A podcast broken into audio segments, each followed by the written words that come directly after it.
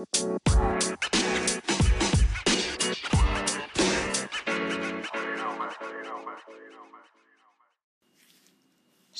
og blessuð.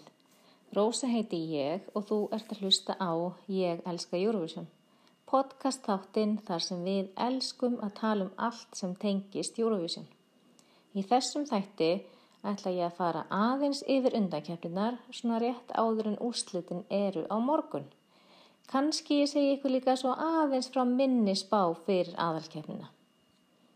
Þetta var stór og góð Eurovika. Daði okkar, hinn eini og sanni og gagnamagnið komist áfram í undankeppnin í gær. Það var svo sem aldrei vafamál. Samt var maður einhvern veginn smá stressaður, sérstaklega þegar það var verið að lesa upp löndin sem að komast áfram. En við vorum sjötta landi sem lesið var upp. Auðvitað komist við áfram. Það kæmi mér ekki einu svona óvart ef þau hefðum bara verið efst í riðlinu. En eins og alþjóð veit þá greindist eitt meðlumur gagnamagsins með COVID-19 í vikunni. Þannig að spilu var upptaka frá setni æfingu hópsins sem hefnaðist ótrúlega vel og var íslenski hópurinn mjög ánæður með þessa æfingu og voru því bara vel sátt að geta notast við hana í keppninni. Þessi upptaka verði notuð aftur í úrslitunum á morgun þar sem þau fara ekki á sviðið heldur þá. Við vonum alveg innilega að það muni ekki hafa slæm áhrif á þau og á niðurstöðunar að það þurfi að nota sömu upptökun aftur.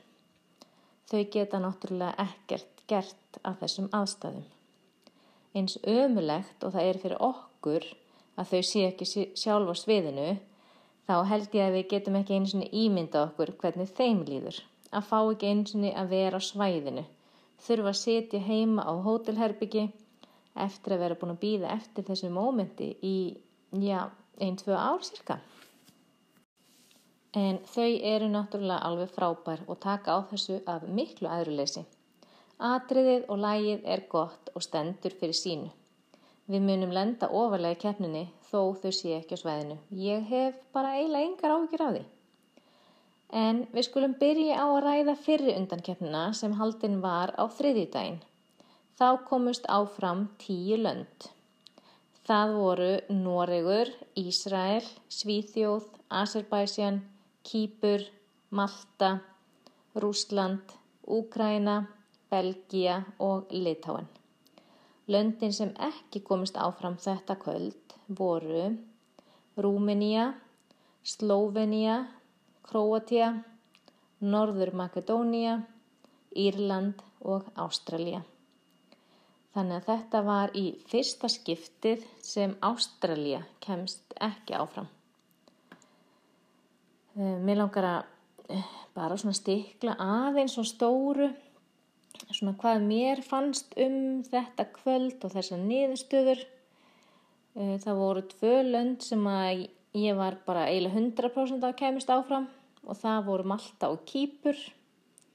Malta náttúrulega búið að vera ofalega í veðböngunum og meira segja mjög lengi á toppnum þannig að mér fannst það einhvern veginn bara alveg pottjett. Kýpur var ég með pottjett af því að mér finnst það bara geggjað. Ég var búin að sjá hún á æfingum og var að sjá að hún var bara negla hennar flutning þannig að ég hafi trúaði og þegar ég sá hennar þarna á sviðinu í keppninni þá vissi ég bara þetta, hún alveg fligi í gegn. Eh, svo voru uh, tvö lönd sem ég var svona pínulítið hissa á að kemist áfram. Og það var fyrst Belgia ekki að því að mér finnst lægið ekki gott heldur að því að ég var bara ekki viss hvort að fólk myndi fíla þetta svona í Eurovision en fólk verist að fíla þetta þeir komist áfram og ég er bara mjög ánum með það og svo já, Ísrael ég var pínu hissa á þeir kemist áfram ég einhvern veginn Ég sjálf hefði ekki haft í mér að kjósa þau eins og er. Ég held að ég þurfi ekki að segja af hverju. Uh, það er kannski of pólitístis að vera að blanda því í Eurovision, ég veit það ekki. Uh, en já, í ljósaðast þannig að það hefði ég ekki getað kosið. Þó svo að mér finnist stelpan sem syngur lægið æðisleg, geggjurödd, frábærir flaut, flaututónar hjá henni og allt það get ekkert sett út á það.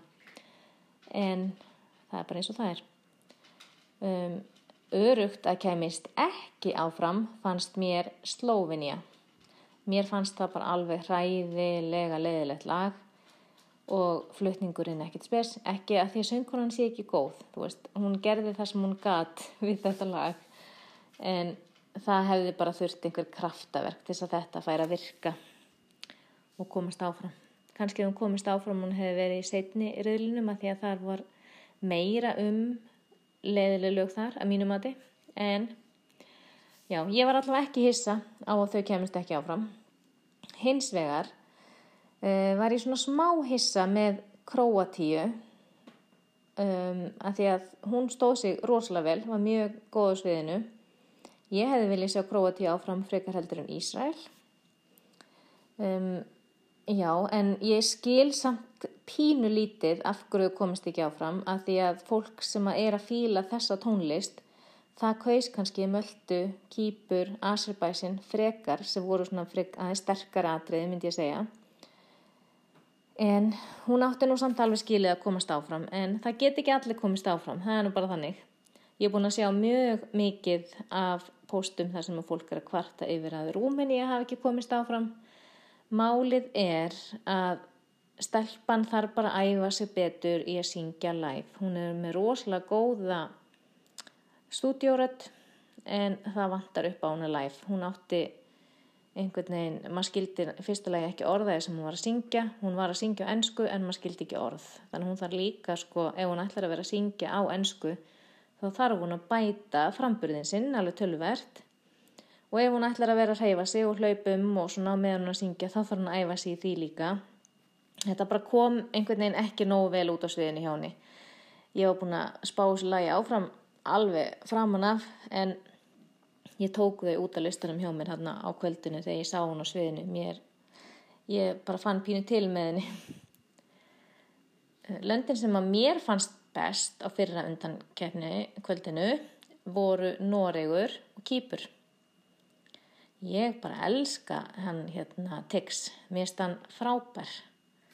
Og þegar hann tók niður solgleirugun ég veit ég var ekki svo eina en ég bara næstu því fekk tári hugun hann er bara magnaður þessi maður. Og já, kýpur eins og ég sagði ég var búin að halda lengi upp og það eiginlega bara frá því að ég heyrði það fyrst. Og mér fannst hún bara negla mjög ána með það. Það sem að mér fannst vest var klálega Írland. Ég átti erfitt með að horfa og ég átti erfitt með að hlusta. Þetta, þetta var bara slis eins og eru búin að hafa mikið fyrir að gera sviðsmyndina og allt þetta flott með sama hönnuði og hann aði sviðsmyndina fyrir hann manns Selmuló hann með Heroes en það voruð með sumu taktana í sumu en já, nei. Mér finnst leiðilegt að tala íllum fólk en hún svöngunan var bara ekki að standa sig. Því miður eins og hún er samt æðisleg það sem mér kom svona, já, það sem kom mér mest og óvart kannski var, já, fyrst og fremst hvað Írland var léleg. Mjög slæð, ekki svona slæmt áður en ég horfaði á live. Og svo Rúsland ég var alveg búin að horfa á það og fannst það flott og skemmtilegt og allt það. En mér fannst það mjög skemmtilegt á sviðinu. Var bara, ég var mjög ána með það. Og já, það hérna var svona það atriði kannski sem að ég var svona fannst ágætt og hækkaði áliti hjá mér eftir flutningin live. Hún bara geggið hún Manísa sem syngur rúsneska lagið. Frábær. Í gær var svo setni undankeppnin og þá komist áfram önnur tílund. Það voru Ísland, Búlgaria, Sviss, Finnland, Serbia, Moldova, Portugal, Gríkland, San Marino og Albanía. Löndin sem ekki komist áfram þetta kvöld voru Danmörk, Eistland, Georgia, Östuríki, Póland og Tjekkland. Það var eiginlega bara eitt land sem ég var 100% á að kemst áfram og það var Ísland. Þannig að þær niðurstöður komi mér 0 á óvart. Það hefði hins vegar komið mér mjög mikið óvart eða hefði ekki komist áfram. Það sem að ég var svona mest hissa á að kæmist áfram, bjóst ekki endilega við, það var Albanía. En lagið fannst mér aldrei neitt spes að hlusta á, mér fannst myndbandið ekkert spes en mér fannst það flott á sviðinu. Þannig að ég er ekkert hissa á að hafi komist áfram. Það var betra en önnulönd sem ekki komist áfram. Þannig að ég var bara mjög ána með það en það var svona skemmtilegt að þau skildi komast áfram. Hún átti alveg skilið. Um, það voru nokkur lönd þarna sem ég bara vissi að kemist ekki áfram. Bara horfa á þau á sviðinu alveg drep leiðinlega atrið og hvað leiðilegt að segja það. en það er bara þannig. Það var þetta Georgia, Póland, Tjekkland og Ísland. Ég var svona tímabili smá með Ísland, þú veist, var svona, jú, kannski kom, kemst það náfram, sérstaklega þá aðalega bara fyrir að vera sætur. En þarna á sviðinu, mér fannst atriðið ekki nóg stert og ekki hjá neitt af þessum fjórum löndum sem ég nefndi hérna. Ég eiginlega sá það bara strax að þetta væri ekki að fara að komast áfram þetta var svona já voru ekki nógu góð uh, kannski betri bara svona að hlusta á heldur en að horfa á. Þar sem ég var hins vegar mjög hissa á að kemist ekki áfram það var Danmörk. En ég held að það sé samt svolítið bara því að Ísland er svo tengt Danmörku. Við skiljum húmórin þeirra okkur finnst þau fyndin. Danskan hljómar ekki alveg eins furðuleg í okkar eirum eins og hjá mörgum. Þannig að, þú veist, margi íslendingar þú veist, við vorum að ná þessu en restin af Evrópu þau voru kannski bara alls ekkert að ná þessu og fannst þetta bara alveg glata sko. þannig að, já, ég var hissað að kemst ekki áfram að því að mér fannst þetta mjög skemmtilegt atriði, ég var alltaf fann að syngja með þessu lægi, mér fannst það bara catchy og gripandi og var að fýla þetta. En Evrópa var ekki á sama máli. Þannig að það sem að mér fannst best þetta kvöld það var náttúrulega Ísland og svo Finnland ég er búin að hlusta mikið á finska lægið þetta er svona tónlist sem ég fíla mjög mikið. Og þeir hljóma bara á sviðinu næstu því alveg eins og audio útgáfan af læginu þeir bara negla þetta. Og svo náttúrulega unnið þeir inn helling af stigum líka þegar þeir postu, heldu þarna á posternum sem að stóð á play jaja ding dong mér finnst það mjög gott. Bara fyrir það fengu þeir sko hundra stigi klatta frá mér. Það var alveg að gera sig. Þannig að já, Ísland og Finnland voru svona uppáhaldið mitt þetta kvöld. Og strákurinn frá Sviss var náttúrulega mjög góði líka. Hann neldi alla sína sína nótur og var bara gegja flottur. Eh, landið sem að mér fannst eh, verst þetta kvöld, það var Georgi. Eh, þau verði bara afsaka en þetta er bara eitt leiðilegasta lag sem ég hef heyrt á æðuminni. Ég ætla næstu því að segja að þetta hafi verið leiðilegra heldur en portugalska sigurlægi þarna frá 2017 eða 16 hvernig það var. Bara geta ekki þetta lag ég bara, ég átti erfitt með að horfa á flutningin til enda, mann er bara döðleittist og þannig ég er eiginlega bara pínu fegin að þetta lag verði ekki á lokkvöldinu, bara gott að vera laus við það, það er ekki að hlusta það meir. Og það sem að komi svona mest á óvart í steitnu undakefninni, það voru Portugalar ég var ekki búin að spá þeim neitt, ég held að þeir kemist ekki eins og áfram, ég fannst þetta alveg drep. En söngvarinn hefur einhvern sjarma þarna yfir sér og bara við fyrstu laglínuna þegar það byrjaði að syngja þá var ég bara hei vá þetta er bara ekki flott hann er náttúrulega með mjög sérstakar öll og það var bara mjög þægilegt að hlusta það ná hana og hann, þú veist, lappaði hana í sömsviði og hérna og var bara einhvern veginn að bonda við fólkið og ég var bara rosalega ána með hann ég setti það á, á top 10 listan hjá mér eftir þessa uh, eftir þetta performance. Ég var að fýla það á tællur. Heyrði, ég gleymi bara alveg Lettlandi. En Lettland var eitt af þeim löndum sem komst ekki áfram og var greinilega svo eftirminnilegt í mínum huga að ég bara steinglemdi í. En það lag var svo sem ágætt, ég vil ekki segja að það hafi verið meir en ágætt að hlusta á svona stúdioútgáfuna en ég veit ekki hvað það var en þegar hún var að syngja lagi live þá var eins og hún væri að syngja eitthvað annar lag. Og mér fannst líka einhvern veginn mjög sérstakt að dansararni voru svona einhvern veginn með hliðin á henni og hún var að gera eitthvað svona allt annað en dansararnir. Og já, það var einhvern veginn bara mjög sérstakt það var óþægilegt að horfa á þetta og já, ég var alls ekki hissa á að hún kemist ekki áfram. Og hann Gísli Martið var náttúrulega að kynna þetta í gær í keppninni og hann er um þetta að tala um það hvað hún er búin að reyna ofta að komast inn í keppnina og loksins komst henn inn í keppnina núna og greið stelpan. Svo leiðilegt. Ég vildi óska þess að hún hefði staðið sér betur svo hún hefði komist áfram að því að henni langaði að greinla mjög mikið. En þetta var bara ekki alveg að gera sér hjá henni það var, það var mjög leiðilegt þannig að kannski kemst hún aftur áfram setna með aðeins betra lag og kannski aðeins búin að æfa, æfa sér í að syngja live. En ég þurfti að gera svona uh, spá fyrir tíu efstu sætin fyrir Júruvísunleiki í vinnunum minni. Og þá ræðaði ég lögunum niður svona.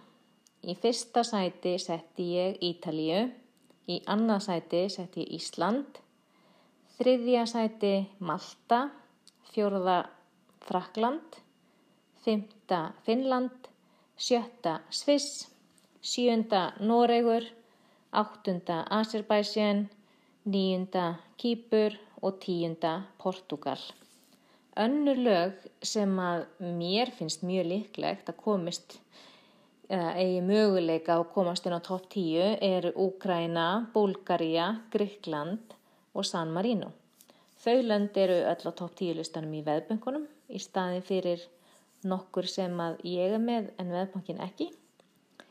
Eh, ég er að byggja þennan topp 10 lista rosalega mikið á hvaða lög mér finnst góð en svo reynir ég svona aðeins að taka miða veðböngunum sem er ástæðan fyrir að ég er með Frakland á listanum hjá mig til dæmis. Sjálf myndi ég ekki setja þau svona ofalega. En einhvern veginn held ég að þau séu samt að fara að lenda í toppsæti, bara því veðbankarnir segja það. En það eru bara alveg rosalega mörg góð lög í keppnin ár. Ég held að þetta sé bara einn besta keppnin í mörg ár. En hins vegar þá finnst mér ekki vera neitt svona áberandi sigurlag. Þó Ítalija sé mitt sigurlag og mitt uppáhálslag þá veit ég bara að svona rock tónlist er ekkit fyrir allra. Veist, mamma mín er ekki fara fíldalag pappi minn er ekki fíldalag. Fullt af fólki sem fílar ekki svona rock tónlist. En eins og við munið þú veist þegar maður heyrði Euphoria, Heroes, Fairytale og fleiri svona vinningslög þá vissum maður bara strax þegar maður heyrði lagið þetta lag er fara að vinna. Veist, það var alltaf keppni, ég skilji hvað ég meina. En núna eru allavega sex lög sem eru bara öll jafn líkleg til að vinna. Þetta er svo jaft og eitthvað svo, ég veit ekki, þetta er bara ótrúlegt. Ég man ekki eftir keppni þar sem að var svona óvíst hver myndi vinna. En það gerir þetta náttúrulega bara ógeðslega spennandi. Ég er bara að missa mig úr spennu. Ég get ekki beðið þanga til á morgun. En eins og ég sagði þá er Ítalið efsti mínum spá og mitt uppáháslag en ég hlusta náttúrulega mjög mikið á rocktónlist þannig að það er kannski ekkert skrítið. Uh, ég er bara orðin ástfangin af þessari hljómsveit máneskinn. Ég er búin að vera að hlusta á, ég held að ég er búin að hlusta öll lögin þeirra. Ég er búin að horfa á þau keppa í X-Factor út í Ítalíu og ég er bara ástfangin af þessu hljómsveit. Ég er ekki að ná því. Þetta eru krakkar fætt 2001 til 97 eða 98 þau eru bara rétt um tvítugt, þau eru bara aldrei við dótti minna, ég er bara sjokki yfir því. Og mér líður líka smá illa því að söngvarinn er já, við ætlum ekki einu svona að ræða það sko, en ég gæti verið mamman sem skulum ekki, nei við skulum ekki tala um það krakka mínir, það er bara þannig. Þannig að svona til samaburðar við mínaspá þá ætla ég að láta fylgja hérna líka spána úr veðböngunum. En akkurat núna þá er hún svo hljóðandi. Fyrsta sæti er Ítalja, annarsæti Frakland, þriðjasæti Malta, fjórðasæti Sviss, fymta Úkraina, sjötta Ísland, sjönda Finnland, áttunda Portugal, níunda San Marino og tíunda Búlgaria. Þarna eru til dæmis ekki Kýpur, Noregur og Azerbaijan sem ég með á mínum lista. Mér finnst þau þrjú lög bara það góð að ég get ekki slefti hafaði með. Ég hlusta á þessi lög bara hverjum degi. Noregur er með þess að bara eitt af mínum uppáhaldslögum í keppnin ár. Ég bara elska það. Mér finnst líka mjög fyndið að eitt af þeim lögum sem voru í uppáhaldi hjá mér mjög snemma er spáð neðsta sæti í keppninni og það er spáð. Ég bara skil ekki af hverju fólk er ekki fíl þetta lag. Ég elska það. En ég veit að það þýðir ekkert að setja það á topp tílistan hjá mér þar sem það verðist engin annar vera fíl þetta lag nema ég. En ég mun klálega kjósa Spán og Ítalja morgun. Ég læta ekki gerast að spát fái núlstig fyrir þetta lag. Svo myndi ég að sjálfsögðu kjósa Ísland ef ég gæti, en ég get það náttúrulega ekki. Mér langar að þakka ykkur öllum kellega fyrir að hlusta. Ekki gleyma að fylgja þættinum eða subscribe á þeirri veitu sem þið notið til að hlusta. Endilega fylgi líka síðu þáttarins á Facebook og Instagram. Hún heitir þar einfallega Ég elska Eurovision. Ég set stundum þar inn efni tengt þáttunum og tilkynni einni þar inni þegar nýjir þættir kom út. Svo ég mæli með að þið skottist hangað yfir. En takk fyrir mig í bíli. Bæjó!